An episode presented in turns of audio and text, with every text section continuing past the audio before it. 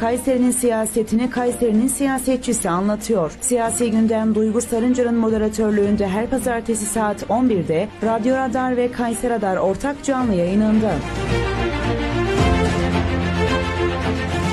Sevgili Kayseri Radar takipçileri ve frekansını 91.8'e ayarlamış Radyo Radar dinleyicileri siyasi gündem programıyla karşınızdayım. Ben Duygu Sarınca. Her hafta farklı bir konuğumuzla yerel siyaseti konuşuyoruz. Bu haftaki konuğum İyi Parti Koca Sinan İlçe Başkanı Nazlı Özsoy Şahin. Hoş geldiniz. Hoş bulduk Duygu Hanım. Nasılsınız? İyiyim, teşekkür ederim. Siz nasılsınız? İyiyim ben de. Özellikle çok uzun bir aradan sonra kadın siyasetçiyle birlikte olmak gerçekten çok Evet, mutluluk verici. çok teşekkür ederim. Davetimizi kırmadığınız için ben teşekkür ederim. Kısa bir hatırlatma yapayım. Ee, sorularınız için sosyal medya hesaplarımız ve 352 336 2598 numaralı WhatsApp hattımızdan bizlere sorularınızı iletebilirsiniz.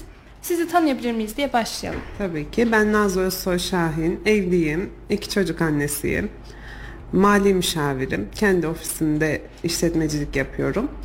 Ee, yakın bir iki ay kadar evvel de e, Kocasinan ilçe başkanlığına atandım. Yönetimimi kuruyorum şu an. Ee, çalışmalarımız seçim sürecinde devam ediyor. Bu şekilde. Hayırlı olsun diyelim Teşekkür tekrardan. ederiz. Peki siyasete girme kararını nasıl aldınız? Siyasete girme kararını şöyle, e, mali müşavirler genellikle her alanda varlar. Her sektörde tabii ki defterlerini de tuttuğumuz için her sektöre iyi kötü hakimiyetimiz oluşuyor. Ve e, bu piyasada veya bu e, ortamda söz hakkımızın olması gerektiğine inanıyorum. Bu vesileyle de e, kendime en yakın parti olan İyi Parti'ye üyelik kaydı internet üzerinden oluşturmuştum 4 yıl evvel. Bu şekilde başladık. Peki e, siyaset nasıl etkiliyor özel hayatınızı, iş hayatınızı? Ee, tabii ki bir kadın olarak her ekstra iş bizim hayatımıza etkiliyor. Biraz olumlu yönü de oluyor, olumsuz yönü de oluyor tabii ki ama siyaset noktasında ben şu ana kadar çok kötü bir durum yaşamadım. Gayet stabil, gayet güzel ilerliyor şu an için. Peki çevreden ne gibi tepkiler aldınız? Ee, şu an çok güzel tepkiler alıyorum. Tabii ki şu an yeni olduğu için olabilir. Ee, bir de seçim zamanı olduğu için olabilir. Şu ana kadar çok kötü bir tepki hiç almadım. Sadece farklı partilerden neden o parti bizim parti değil de diye birkaç e, öneri diyelim. Ben öneri de aldım. tam onu soracaktım neden iyi Parti diye. Evet. Ee, yani İyi Parti benim gerçekten kendime en yakın bulduğum partilerden biri. Çünkü e, yöneticisi öncelikle bir kadın. Ee, kadın yöneticilerin olduğu yerde ister istemez bazı konular birazcık daha dikkatli olması gerekiyor. Evet. Bundan kaynaklı Meral Hanım'ı da kendime çok yakın bulduğum için İyi Parti'yi tercih ettim. Yani kadınların her alanda olması gerekiyor gerçekten. Kesinlikle her alanda. Mesela şu an yaptığımız programda bile bir kadınla bir erkeğin iletişimi ister istemez biraz Evet. sınırlı oluyor. Aynen. Kadınların olduğu her yer bence e, çok e, açık, şeffaf ve hoş oluyor diye düşünüyorum. Evet, daha çok görmek isteriz sizleri böyle. Tabii ki. Peki e, bir kadın olarak görevinizin zorlukları nedir? Siyasetçi olmanın zorlukları nedir? Kadın olmak bence öncelikle özellikle çalışma hayatı da dahil çok zor bir süreç. Yani bunu anlatmak gerekirse öncelikle evleniyorsunuz, bir süre geçiyor, evinize karşı sorumluluğunuz başlıyor. Çocuğunuz oluyor, çocuğunuza karşı sorumluluğunuz başlıyor. Ee, sonrasında bir iş hayatınız oluyor, onun sorumluluğu devam ediyor. Hepsi üst üste geldiğinde burası bir sorumluluk noktasında yükler binmiş oluyor. Onun devamında da kadın olarak her şeye dikkat etmek zorunda kalıyorsunuz. Mesela saçınızdan tutun da makyajınızdan, kıyafetinizden, çantanızdan, ayakkabınızdan her şey başlı başına bir sorun. Bunları geçtik. Ee, Daha sonra işe geldik. Mesela partiye geldik. Orada karşılaştığınız insanlar, onlarla karşı konuşmanız, davranışlarınız hepsi tek tek tek sınırlı sorumlu olmak zorunda. Bu kadar dikkat ve özenin içerisinde bir şeyler yapmaya ve e, çalışmaya çalışıyoruz diyelim. Bu süreç tabii ki zorlukları ama güzel yönleri de şöyle gittiğimiz her kapı bize açılıyor. Hani e, insanlar kadın gördüğünde daha farklı oluyor. Çünkü erkekler ister istemez farklı bir partide olsa bir tepkiye denk gelebiliyor bir şey olabilir Evet. ama kadın olunca en azından mecbur kalıyorlar buna. Nezaket mi oluyor? Nezaket çok ön plana çıkıyor.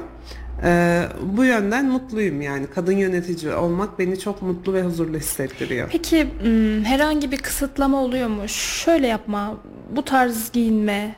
Vesaire. Aa, zaten toplum baskısı dediğimiz noktada gerçekten bu çok oluyor. Bunu aslında hem cinslerimiz yapıyor. Ben buna çok üzülüyorum. Ee, Bizim kadın kollarımız da var tabii ki. Kadın yöneticilerimiz de var alt kollarımızda. Ama e, bazı noktalarda gerçekten zorlanıyoruz. Mesela insanı kıyafetiyle yargılayabiliyoruz görüntüsüyle yargılayabiliyoruz ama içini hiç düşünmüyoruz. Maalesef ki görünüş her şey Evet. olduğu için bundan kaynaklı zorluklar yaşıyoruz. E, mesela bugün bile acaba hani elbise giymesem de ceket mi giysem? Şimdi bazı kli- klişeler çok oturmuş. E, bunu biraz da yıkmaya yıkmak da bizim elimizde diye düşünüyorum. O yüzden birazcık daha mutlu olduğumuz şekilde tabii ki aykırılığa ben de karşıyım ama farklı olmayı seviyorum diyelim. Zaten hani nerede nasıl giyinmesi gerektiğini, nasıl hareket edilmesi Tabii ki. gerektiğinin bilincindeyiz hepimiz Tabii de. ki tabii ki. Yani böyle şeylerle de Kısıtlamak hoş karşılaşmasak olmuyor. Aynen öyle. Peki siyasette kendinizi görmek istediğiniz yerde misiniz? Şu an gerçekten e, öncelikle düşündüğüm bir nokta değildi. E, bu teklif bana geldiğinde çok da şaşırdım. Çünkü onca yönetici, e, onca partinin geçmişinde çalışan emek, emektarlar diyelim, kurucu üyeler diyelim varken böyle bir teklifin gelmesi beni gerçekten çok onur etti. Ee, tabii ki belli bir süre boyunca bunu değerlendirdik, düşündük bizim için artısını, eksisini. Ee, ama görmek istediğim, e, hayal etmediğim yerdeyim diyelim. Gerçekten bunun tam tabiri bu olur herhalde. Peki devam etmeyi düşünür müsünüz, ister misiniz? Tabii ki şu an e, İyi Parti ile özümseniyoruz. Yani şu an gerçekten iç içe geçiyoruz. Seçim zamanı da olduğu için benim bu sürecim. Seçim süresi gerçekten partinin bence her şeyi oluyor. Yani e, her noktasında. Bugün bir yere gidilecekse gitmek gerekiyor. Bugün bir liste hazırlanacaksa, masa başında çalışılacaksa, bir telefona bakılacaksa, bir üyeyle veya üye olmayan gönüllüyle görüşülecekse her noktada bulunduğunuz için gerçekten bir özümseme oluşuyor. Ee, Bu noktada da gerçekten benimsedik partimizi. Başka farklı bir parti hani düşünme şansım yok benim için. Peki bu seçim zamanının vermiş olduğu yoğunluğun dezavantajları nedir sizin için? Öncelikle mesela sandık görevlilerini şu an yetiştiriyoruz ilçe ilçe. Ee, Bununla alakalı eksiklikler, listelerin verilmesi vesaire şu an biz ciddi mesailer yapıyoruz. Akşam mesaisi yapıyoruz, sabah erken gidiyoruz. Bunların hepsi bir zaman istiyor. Hafta sonu mesela dün ben çalıştım. Ee, Yani seçime kadar bu şekilde 7-24 mü demeliyiz? O şekilde çalışıyoruz. Peki siz de bir genç olarak genç siyasetçiler hakkında düşünceleriniz nedir? Gençler siyasette olmalı mı yoğunlukta? Şöyle öncelikle genç olduğumu düşünmüyorum ama teşekkür ederim iltifatınız için. Ee, gençler siyasette kesinlikle olmalı. Çünkü onların geleceği söz konusu ee, ve söz hakları olmalı diye düşünüyorum. Tabii ki herkes kendi bireysel ikili ilişkilerinde konuşuyor. Tabii ki her evde, her yerde, her ortamda siyaset dönüyor. Ama burada önemli olan bir söz hakkının olması ve gençler için bence siyaset ciddi bir söz hakkı alabilecekleri yerler. Yani boş konuşmak değil de siyaset noktasında gerçekten bu ülkede söz hakkı olmak istiyorlarsa mutlaka bence particilik işine girmek zorundalar ve bir şekilde bir yerlerde kendilerini ifade etmeleri gerekiyor. Şurada şu sıkıntıları yaşıyoruz. Mesela bunca üniversite öğrencisinin problemleri. Evet. Bunlar sürekli bence gündeme gelmesi gereken şeyler. Yine aynı zamanda iş problemleri. Yani bunların hepsini gündeme getirebilmek için söz hakkınızın olması gerekiyor. Şimdi yeri geliyor tabii ki konuşuyoruz, ediyoruz. Zaman zaman sizler de sağ olun mikrofon tutuyorsunuz sokaklarda ama burada bence önemli olan buralarda söz hakkı alıp buralarda gerçekten duyurabilmek sesinizi.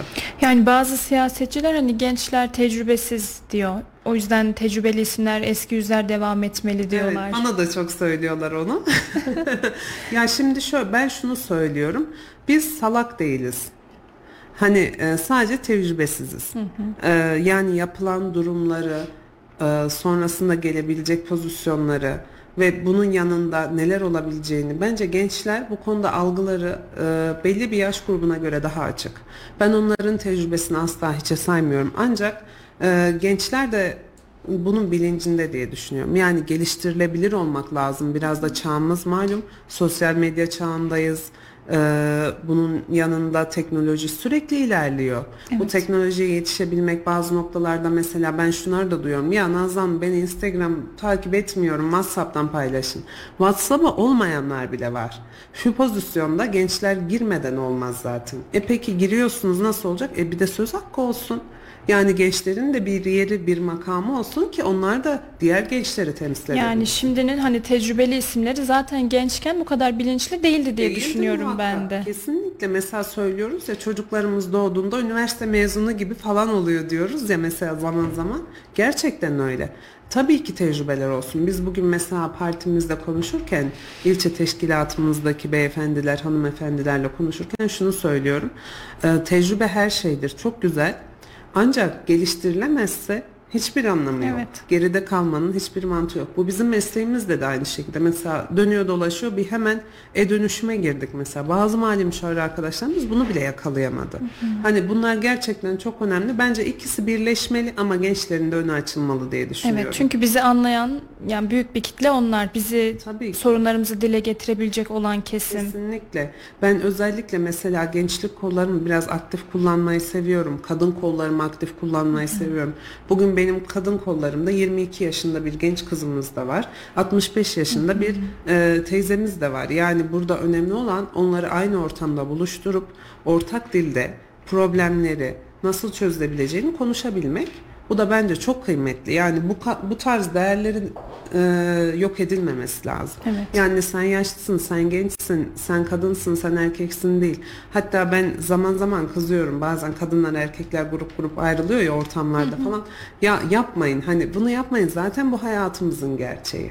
Yani böyle yaptığınızda farklı oluşmuyor ki. En azından siyasette de Tabii bunun ki. olmaması gerekiyor. Kesinlikle katılıyorum. O yönden ben gençlerin önünü her zaman açık görüyorum. Bana özellikle gelen gençlerin hepsine de doğrudan e, üyelik düşünür müsünüz diye soruyorum ve düşündüğü anda da direkt gençlik kollarına dahil ediyorum. Çünkü e, hepsinin birer söz hakkı olmalı diye düşünüyorum. Şimdi bir de şunu soracaktım. Ee, kadın teşkilatı yani kadın kolları teşkilatı ve gençlik teşkilatı nasıl bir çalışmalar yürütüyor? Nasıl teşkilatlanma oluyor? Biz e, malum daha iki ay evvel bizim atamamız gerçekleşti. Buna esnaden biz ilk önce o, öncelikle yönetimimizi oluşturduk. Bu bizim tabii genel merkezden belli denetimlerden geçtikten sonra süreç ilerliyor. E, bu süreçte yönetimimiz onaylanana yaklaşık iki hafta falan oluyor. E, sonrasında biz kadın kolları, gençlik kolları, bunun yanında e, bizim kendi yöneticilerimizin dahil olmak istediği farklı kolları oluşturuyoruz. Kadın kollarımız da şu şekilde ilerliyor. E, Şu an bizim kadın kollarımız doğrudan il yönetimimize bağlı ancak biz tabii ki teşkilatlanmayı kendi aramızda yapıyoruz. Üyelerimizle birlikte e, çalışmak isteyen, özellikle faaliyette bulunmak isteyen, yine dediğim gibi söz hakkım olsun diye düşünen bütün kadınlarımızı dahil ediyoruz. Benim için yaş sınırı hiç önemli değil. Önemli olan burada görüştüğümüzde bir şeylere katkı sağlayabilmek. Benim tabii farklı düşüncelerim de var. Mesela en son yönetim toplantısı yapmıştık. Yönetim toplantısının çıkışında hanımlara dedim ki birer kahve içelim. Ee, hem de konuşalım hem tanışalım mesela birbirlerini hiç tanımıyorlardı falan. Mesela çok da güzel geçti. Ben bundan çok mutlu oldum. Bence insanların gerçekten sosyalleşmeye ihtiyaçları var. Bir aile ortamına ihtiyaçları var. Kesinlikle dışarıda bir şey yemek, içmek gerçekten e, birçok kişi için artık lüks olmuş. Evet. Yani bu ortamda e, öyle bir şey yapmak bir hava aldık, bir nefes aldık oluyor gerçekten. Aslında ne kadar normal ve Çok normal. basit bir şey yani. Kesinlikle Bir bu yerde bir şey haklarımızın içmek. elimizden alınması çok kötü. Yani bu imkanlar çerçevesinde gerçekten bugün bir dışarıya çıkmak bile çok problem Evet. bazı kitleler için. E, o yüzden bunları göz ardı etmemeliyiz yani. Peki herhangi bir tartışma veya anlaşmazlık durumunda bunlar nasıl çözülüyor? Nasıl sonuca varılıyor? Partimiz içinde mi? Yani kadın teşkilatı genel. Ha, kadın teşkilatında şöyle daha biz anlaşmazlık yaşamadık diye maşallah mı demeliyim. Ee, yani şöyle e, tabii ki geçmişteki anlaşmazlıklar mevcut. Bunu e, yönetici arkadaşlar güzel idare edebildiğinde hiçbir problemin kalacağını düşünmüyorum. Çünkü biz burada bir ticaret yapmıyoruz. Bir para alışverişi yapmıyoruz. Sonuçta bir güç gösterisi yapmıyoruz. Burada tek derdimiz ülkeyi şu an hakim olan hükümeti e, tasvip etmiyoruz. Biz onun karşısındayız. Buna istinaden de çalışmalarımızı yürütüyoruz. Bu işin doğrusu budur. biz yanlış görüyoruz diyerek ilerliyoruz. Buna esnaden de yapılan tüm tartışmalar e, bireyselleştiği noktada konuyu kestirip atmanın mantıklı olduğunu düşünüyorum. Daha çok problem çıkarsa farklı kollara geçirmeyi tercih ederiz ama ben bu kadar da ciddi problemler kadın kollarında yaşandığını görmedim şimdiye kadar. Yaklaşık 3 yıldır aktif rol alıyorum.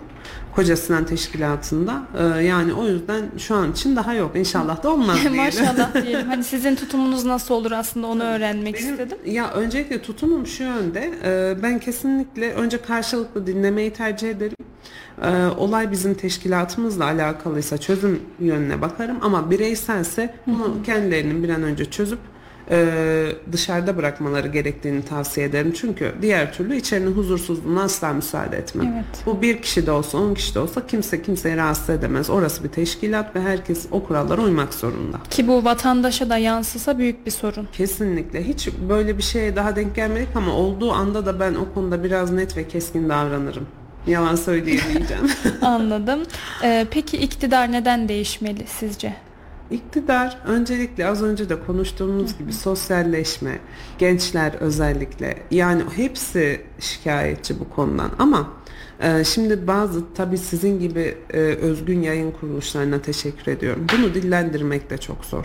Yani bugün birçok basın ellerindeyken biz derdimizi anlatmakta çok güçlük çekiyoruz. E, yani sosyalleşemiyoruz.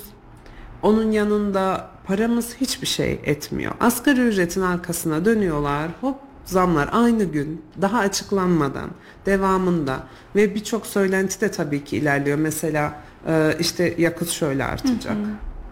İşte bunlar böyle. Bunu da durduramıyorlar. Yani bu süreçler bizi çok yıpratıyor. E insanlar ne oluyor bu sefer sadece e, yemeğe odaklanıyor. Hani yemek ekmek parası yani bunu nasıl kazanacağım? Ona odaklanıyor ve hayatı unutuyor bence. Bugün bir kirada oturan insanın asgari ücretle geçinme şansı nedir yani? Bir emeklinin. Bu kadar şartlar böyleyken ekonomiyi düzeltmek e, yani nasıl gerçekleşecek ne olacak bize zaman zaman da soruyorlar gerçekten siz gelseniz ne yapardınız falan diye ama bu gerçekten bir süreç istiyor. E, bu noktalarda biz e, yanlış görüşleri görüyoruz zaman zaman. Mesela açık kapalı mevzusu çok oldu. AKP ile alakalı mesela. E, işte onlar geldi biz üniversitelere girdik. Ama e, şunu göz ardı etmemek lazım. Şimdi e, tamam güzel bir sistem. Biz açığa karışmayız, kapalıya karışmayız ama insanların da sosyalitesini etkiliyorsunuz mesela. Hani girerken e, bence bu bir tercihtir ve bu kimse ilgilendirmez. E, bu noktalarda da mesela ciddi çizgileri yok iktidar partisinin şu an benim gözümde. Yani o zaman açık olanlar kötü polemiğine giremezsiniz. Siz bir partisiniz. Yani bu tarz birçok e, anlatılabilecek konu var da açıkçası şu an en çok mesela canımızı sıkan konular bunlar. En büyük problem de ekonomi diye düşünüyorum. Bilmiyorum mali müşahede olduğum için mi çok fazla şey e, bu tarz konular sürekli görüşüyoruz ama e, emekliler de bugün mesela bize diyor bin lira artı ikramiye verilecekmiş. Hani bin lira nedir ki diyor gerçekten bugün bir 5 kiloluk yağ almaya kalksanız yani hani paranızın adı yok. Bir sepet dolmuyor yani. Mümkün değil. Yani bugün mesela dün bir gencimizle konuştuk hem de yeni üyemizdi mesela. Aynen dediği şuydu. Abla ben anlamıyorum diyor. Markete giriyorum hiçbir şey almıyorum 200 lira ödeyip çıkıyorum. evet. Gerçekten bunlar çok acı. Evet. Yani e, şu an o tarz durumlarda biz neler yapacağız bilmiyorum. Yani bunu bir şekilde söz hakkı alıp veya ekonomiye ne katkıda bulunabilirsek bunları çözmek zorundayız. Ben bu konu için özellikle e, yani geleceğimiz var, çocuklarımız var. E, ne gerekiyorsa bence yapılmalı. Herkes de elini taşın altına koymalı. Korkmamalı. Kadınlar ve gençler için bunu tekrar söylüyorum. Korkulacak hiçbir şey yok inanın. Bundan daha kötü olamayız. Ya biz de sokak röportajlarında vesaire sorduğumuzda böyle şeyleri hani evine ekmek götürüyorsan, kiranı ödüyorsan yeterli diyorlar. Genelde orta yaş ve üstü. Evet ben de dinledim sizin röportajlarınızı. Ama bu böyle Gerçekten. değil bence. Değil. Yani sosyallik değil. gerekiyor, Tabii ki. faaliyet gerekiyor. Tabii bugün mesela bir misafirliğe gitseniz elinizde bir şey alıp götürüyorsunuz. Yani buna bile gitmek bir maliyet. Evet. Giderken aracınızı kullanıyorsunuz belki belediyenin vasıtaları hepsi bir maliyet. Yani bunlar için insanın paraya ihtiyacı var veya bu fiyatların düşmesi gerekiyor. Her iki şartta da bir el atılması gerekiyor. Yani bu böyle evet şöyle olmuyor işte. Fakir kesim yine çok fakir oluyor, zengin kesim yine çok zengin oluyor. Çok bir değişiklik Ve bu adaletsiz oluyor. Aynen öyle. Peki size saha çalışmalarınızda ne gibi talepler geliyor? Daha çok e, talepler noktasında en başta emeklilerimiz çok çok çok şikayetçi. E, sonra esnafları geziyoruz. Gerçekten diyor biz vergilere çalışıyoruz diyor. Yani e, biz bugün mesela bir işletmem var diyor. Geçen sene 5 tane işletme kapattık mesela. Ee, bu süreçler gerçekten insanları çok görüyor. Esnafları özellikle. Esnafların hani e, biraz rahatlatılması lazım. Küçük esnaflara zorlayıcı şu an mesela maliye ciddi şekilde icra gönderiyor. Hesaplara bloke koyuyor ve onun yanında bir de e, faaliyeti mesela yerinde bulunmayan mükellefleri iki defa gittiğinde direkt resen terk veriyor. Hani birçok konuda biz şu an çok ciddi sıkıntılar yaşıyoruz diyor esnaflar. Bunları dile getiriyoruz. Onun dışında gençler iş bulamıyoruz, iş kura başvuruyoruz, hep şartlar aynı vesaire diyorlar. Aynı iş kolunda iş bulamadıklarından şikayet ediyorlar. Özellikle Koca Sinan bölgesi için yollarla alakalı çok ciddi problemler var. Hala doğalgaz gitmeyen mahallelerimiz var. Yani e, bunlar tehditle falan ol, olacak işler değil. Yani e, bugün doğal gazımızı keseriz, doğalgaz olmaz falan. Bu söylemler hiç yakışmayan söylemler ve ben bunlardan e, gerçekten utanıyorum duydukça. E, yani bu sizin bir e, lüksünüz değil, bu bir zorunluluk. Artık Evet. dünya nerelere gidiyor? Yani getirmişsin bir yerden sonra kesmeyle insanlar tehdit ederek mi oy almayı düşünüyorsunuz? Yani buna hoş değil. Çok siyasete de girmek istemiyorum ama dayanamıyorum da gerçekten duydukça gördükçe çoğu zaman izlememek için öncesinde mesela izlemiyordum ama şimdi izlememe şansım da yok. Evet. Çünkü siyasetin doğrudan ortasındayız. Ve takip etmek durumundasınız. Aynen öyle E, ve gördükçe gerçekten çok kızıyorum. Yani bunlara gerek yok. Siz doğru dürüst olduğunuzda zaten halk yine e, arkanızdan gelecektir diye inanıyorum. Peki İyi Parti'nin ya da Koca Sinan Teşkilatı'nın diyelim e, bu taleplere nasıl bir dönüşü olacak? Dönüşü hepsi projeleştiriliyor. Öncelikle onu söyleyeyim. Şikayetler alınıyor.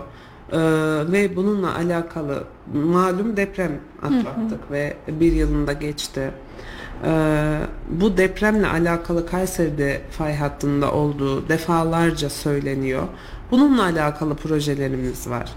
Ee, onun dışında mesela yatay yapılanma planları var. Özellikle Erkilet alanlarında, Koca Sinan çevresinde Yurder Başkanı'nın da bu konuda gerçekten çalışmaları çok güçlü. Ee, kadınlarla alakalı ciddi projeleri var. Mesela e, evde olup da aynı zamanda Kazım Başkan'la yapacakları bir proje. Evde olup da mesela çalışma hayatına 7-24 katılamayacak ancak belli saat aralıklarında katılabilecek kadınlar için projeleri var. Mesela geçen biliyorsunuz Kartal Kavşağı'nı gündeme getirdik. Evet. Sonrasındaki olanları biliyorsunuz. Yani e, o yüzden her mahalleye özgü bireysel çalışma yapılıyor lokal. E, ve bu konuda her gelen problem e, direkt projeye dönüştürülüyor. Peki şimdi e, Yurder Bey'le olan çalışmalardan da bahsedelim. Buradan da başarılar dileyelim kendisine. E, sizin ne gibi destekleriniz oluyor? Ne gibi çalışmalar yürütüyorsunuz saha içerisinde? Bizim şöyle Yurder Başkanımız zaten şu an öncelikle belediye başkan adaylığıyla alakalı bir kendi ekibi aynı zamanda var. Biz teşkilat olarak da bir ekip oluşturuyoruz. Bir de seçim ofisimiz açıldı biliyorsunuz. Ee, seçim ofisimizde yine desteklerde bulunuyoruz. Aynı zamanda mesela bir yere gidildiğinde kadın erkek e, bulunması bulunmaması gereken alanlar oluyor. Orada ben bireysel katılmayı da tercih ediyorum. E, mesela bazı yerler müsaitliği oluyor, kalabalık olması gerekiyor. Oralara da dahil oluyoruz. Onun dışında da bizim hem bireysel üyelerimizden hem de duyarlı vatandaşlardan gelen şikayetler oluyor. Mesela şu mahallede şöyle bir problem oldu. Burada ulaşımda bir problem oluştu.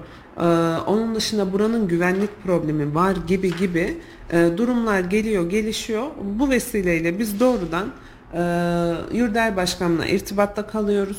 E, nasıl bir çözüm üretiriz? Biz zaten teşkilat olarak mahalle mahalle onunla alakalı program yaptık. Sağ olsun o da programımıza dahil oluyor.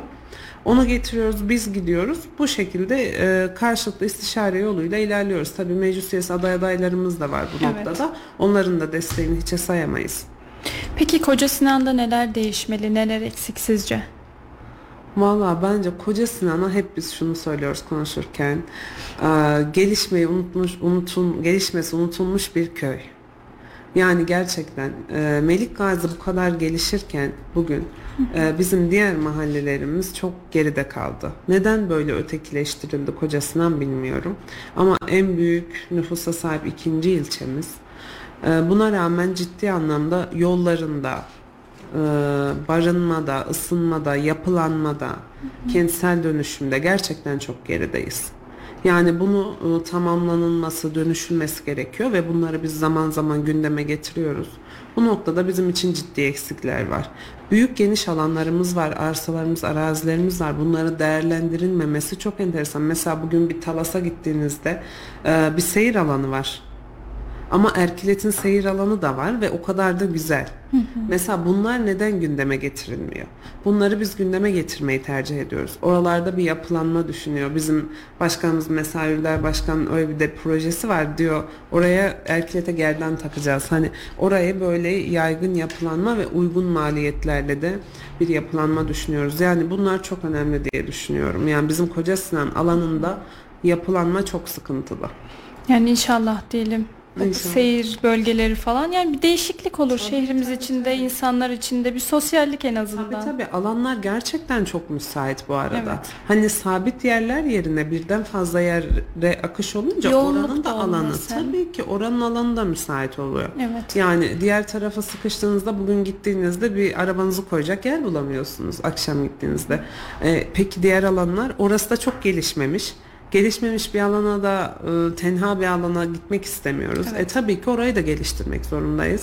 Yani bu tarz süreçlerde bizim için dokunulmadık dediğim gibi mahalle kalmayacak şekilde e, projeleri var Yurder Başkanı. İnşallah diyelim. Ee, peki siz siyasete girmeden önce neler gözlemliyordunuz? Siyasete girdikten sonra bu aradaki farkı nasıl anladınız? Yani benim için bu eksikti. Siyasete girdikten sonra da bunun hani daha farklı olduğunu anladım diyebileceğiniz, bunu değiştirmek isterim diyebileceğiniz. Genel Kayseri genelinde, Koca Sinan özelinde. Mesela en başta kadın yönetici olmak ciddi problem.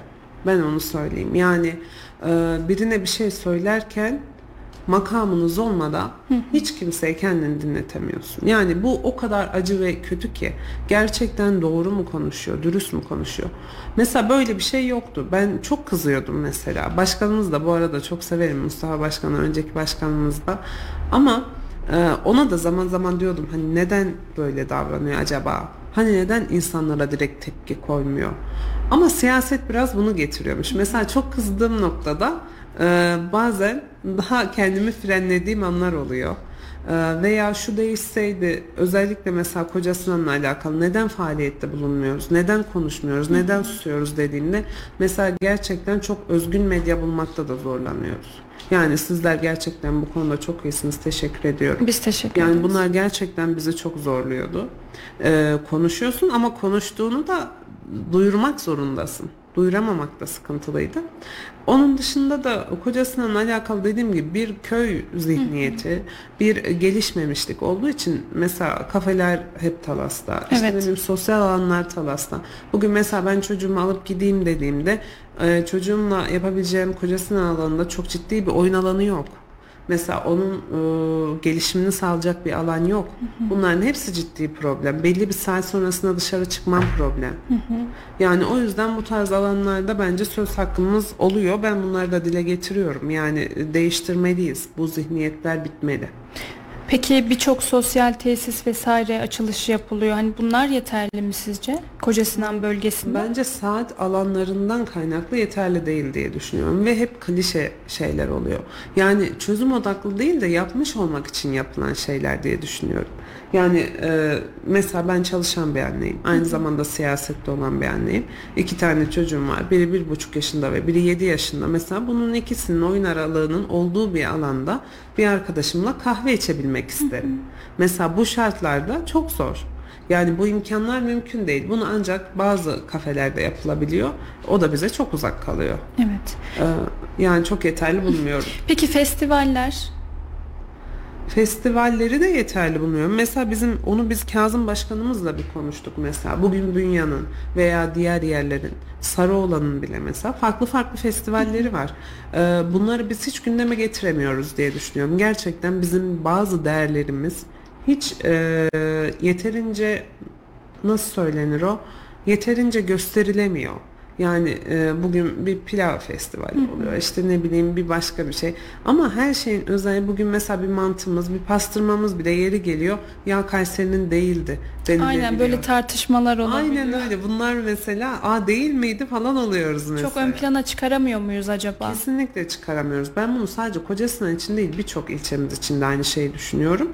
Ee, bunların bence e, özellikle o, o yörenin halkıyla görüşülüp e, önemli noktalarını belirli gün aralığında yapılmalı. Bu da tabii ki yapılmış olmak için yapılmamalı. Sık sık yapılmalı. Aynen öyle. Her sene mutlaka bence düzenlenmeli. Her ay birininki düzenlenebilir. Evet. Mesela Erciyes'imizin kayağı atıyorum. Orada bir sucuk ekmek yemek. Bunlar e, mesela kışın her zaman yaşanan şeyler değil. Kış mevsiminde bunlar gündeme gelebilir. O yüzden yerinde ve zamanında yapmak ve gerçekten bunları tanıtmak çok önemli. Ciddi eksikliğimiz olduğunu düşünüyorum. Peki e, herhangi bir durumda, konuda milletvekili ile istişareleriniz nasıl oluyor? iletişiminiz Dursun Bey ile? O Dursun Ataş vekilime gerçekten buradan hem selamlarımı iletiyorum, teşekkürlerimi de sunuyorum. Daha dün beraberdik mesela. Ee, her görüşmemizde, her problemimizde veya onun yanında herhangi bir şeyde takıldığımda bile gerçekten rahatlıkla ulaşabileceğim bir vekil ve ben bu arada ilk defa bir vekili hani bu kadar yakın görüyorum.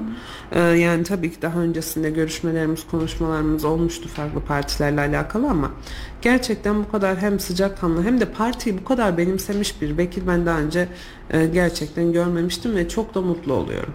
Mesela ben e, dün mahalle başkanları toplantısı yaparken Hani vekilimiz de şunu da söylüyor. Ben de dahil olmak istiyorum. Yönetime ben de gelmek Evet. istiyorum. Yani açılışlarımızın biliyorsunuz hepsinde hemen hemen kendisi oluyor.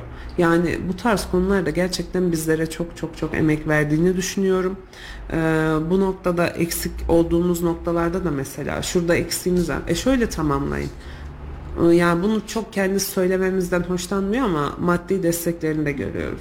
Kayseri'den elini çekmiyor yani. Asla çekmiyor. Mesela e, bizim hatta hakim olmadığımız mahallelerde bile e, bize o konularda çok destek oluyor. Şu kişiyle görüşebilirsiniz.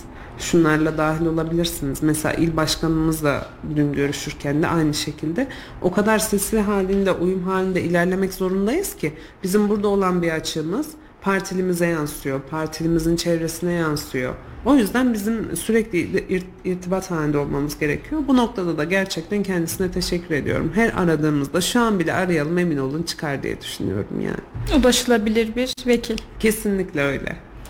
Ee, peki sizce bir siyasetçide bulunması gereken özellikler nedir? Az önce ulaşılabilir demişken. Evet.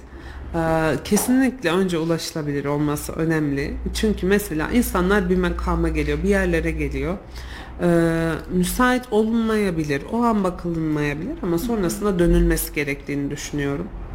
Onun dışında gerçekten çizgileri olması gerekir. Ee, yani oraya gidip ayrı, buraya gidip ayrı konuşmaması gerekir. Ee, basiretli olması gerekir öncelikle. Yani bunların hepsi ayrı ayrı çok önemli. Ahlaklı olması gerekir benim gözümde. Disiplin bence en önemli noktalardan biri. Bir parti yöneticisinde disiplin olmadığında asla ama asla orada bir başarı ben göremiyorum. Bu disiplin herkese eşit olmalı e, bu noktada ve aidiyet bağını koparmamalı.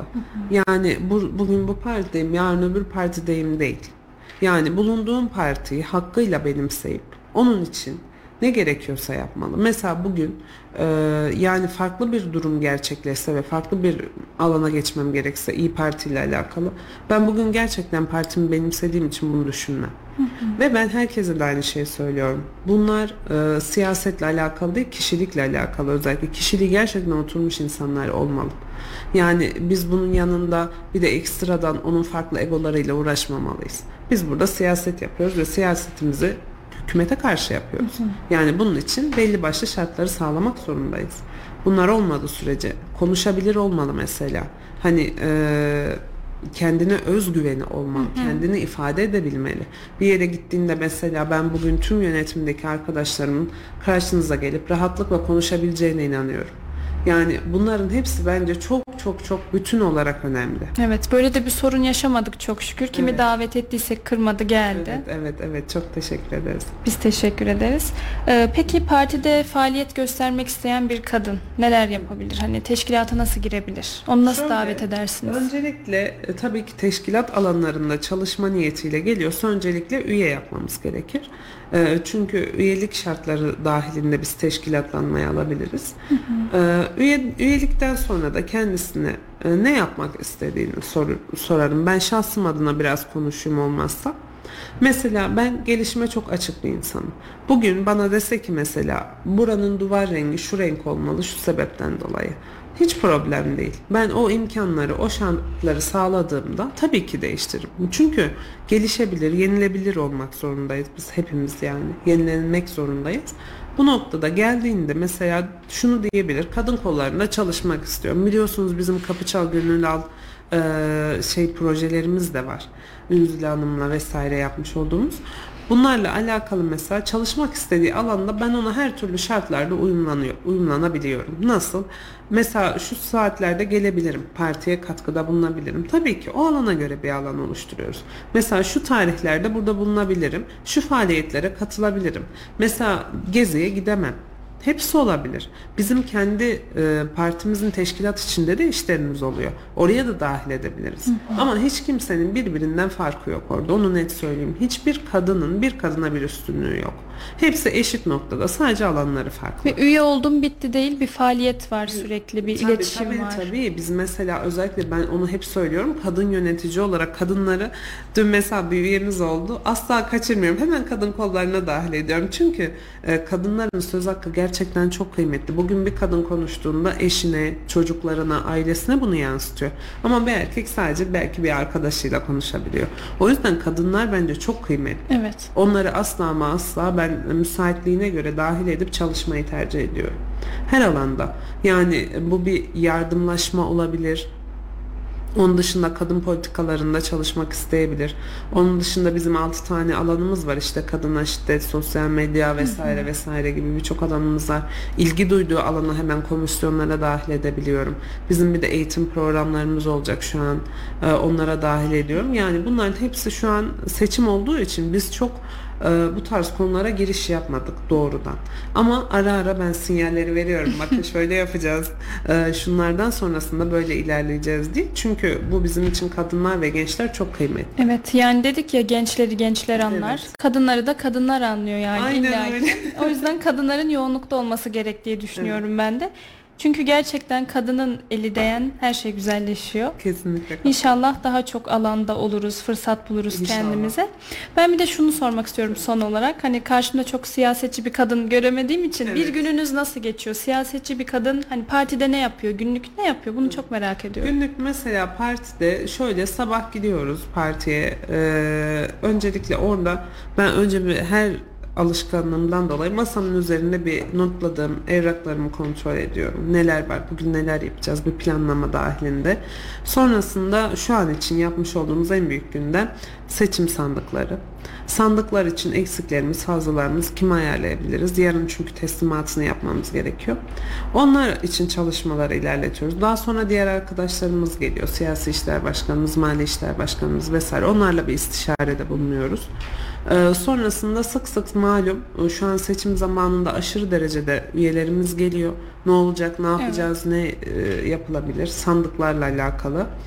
Onları dinliyoruz. Ee, sorunlar geliyor, sorunları dinliyoruz, konuşuyoruz, sohbet ediyoruz. Yöneticilerimizle, il başkanımızla vesaire istişarelerde bulunuyoruz.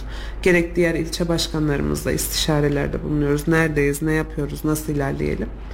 Ee, bu noktada ilerliyoruz. Onun dışında da şu an seçim olduğu için çok farklı bir şey söyleme şansımız yok. Çünkü e, işte sorumlular biliyorsunuz okul sorumlularımız, müşahitlerimiz, onların tespitleri, öncekinden gelenler, onların aranması, görüşülmesi, mahalle başkanlarımız var. Mahalle başkanlarıyla hepsiyle ben bireysel görüştüm mesela. Onlarla iletişimleri kuruyoruz. Şu an en yoğun olduğumuz süreç telefon trafiği diyebilirim yani. En yoğun yaptığımız iş o şu anda. Anladım. Çok teşekkür Ben ediyorum. teşekkür- Benim sorularım bu kadar. Sizin eklemek istediğiniz bir şey varsa onları da konuşalım. Tekrar çok teşekkür ediyorum beni yayına davet ettiğiniz için. Ee, bu kadar da özgün bir yayın olduğu için de ayrıca tekrar teşekkürlerimi sunuyorum. Biz teşekkür ediyoruz kırmadığınız için. İnşallah bir sonraki yayınlarda da yine zaman geçtikçe birlikte oluruz diyorum. İnşallah. Sevgili izleyicilerimiz yayın tekrarına Facebook'ta Radar Kayseri, Kayseri'de trafik kaza gündem, Kayseri'de son dakika, İşte Radar ve Radyo Radar, YouTube Kayserimnet, Instagram Kayseri Radar sayfalarından ulaşabilirsiniz. Haftaya yeniden görüşmek üzere, hoşçakalın. Duygu Sarıncar'ın hazırlayıp sunduğu siyasi gündem sona erdi.